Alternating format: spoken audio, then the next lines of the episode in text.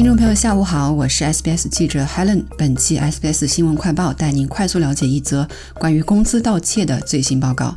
来自格拉坦研究所的研究发现，在澳大利亚对移民工人的剥削是普遍存在的，新移民被少付工资的可能性比本地人高四成。报告中分析了澳大利亚统计局的数据，称最近抵达的移民中有高达百分之十六的人的工资低于二十一点三八澳元的全国最低时薪。在多达八点二万名被少付工资的临时签证持有者中，包括留学生、临时工人、季节性工人、打工度假者和新西兰公民。报告的共同作者特伦特·威尔夏说：“真实的数据可能要高得多，因为有一些移民剥削的形式可能未能在澳大利亚统计局收集的数据中体现出来。”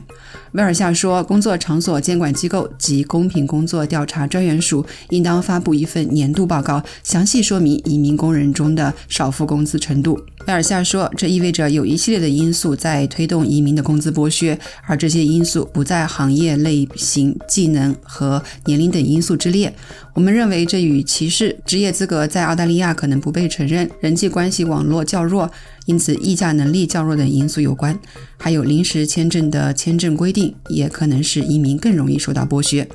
发生移民被工资剥削的较普遍行业类型包括农业和服务业，位居榜首。金融服务业位居榜尾。威尔夏说，格拉坦的研究还发现，与三十至四十岁的人相比，二十至三十岁的人被少付工资的可能性几乎是前者的六倍。除了签证执法和工资追讨机制这三项措施来解决这个问题之外，研究人员还表示，可以提供更多的资金和权力给公平工作调查专员署，更名为工作场所权利管理局。此外，他们还建议为内政部增加资源，以帮助对违反义务的企业执行。罚款和制裁，并进行审计。通过在全国范围内复制昆州和维州目前立法规定的最高刑期为十年的工资盗窃罪，可以加强刑事处罚力度。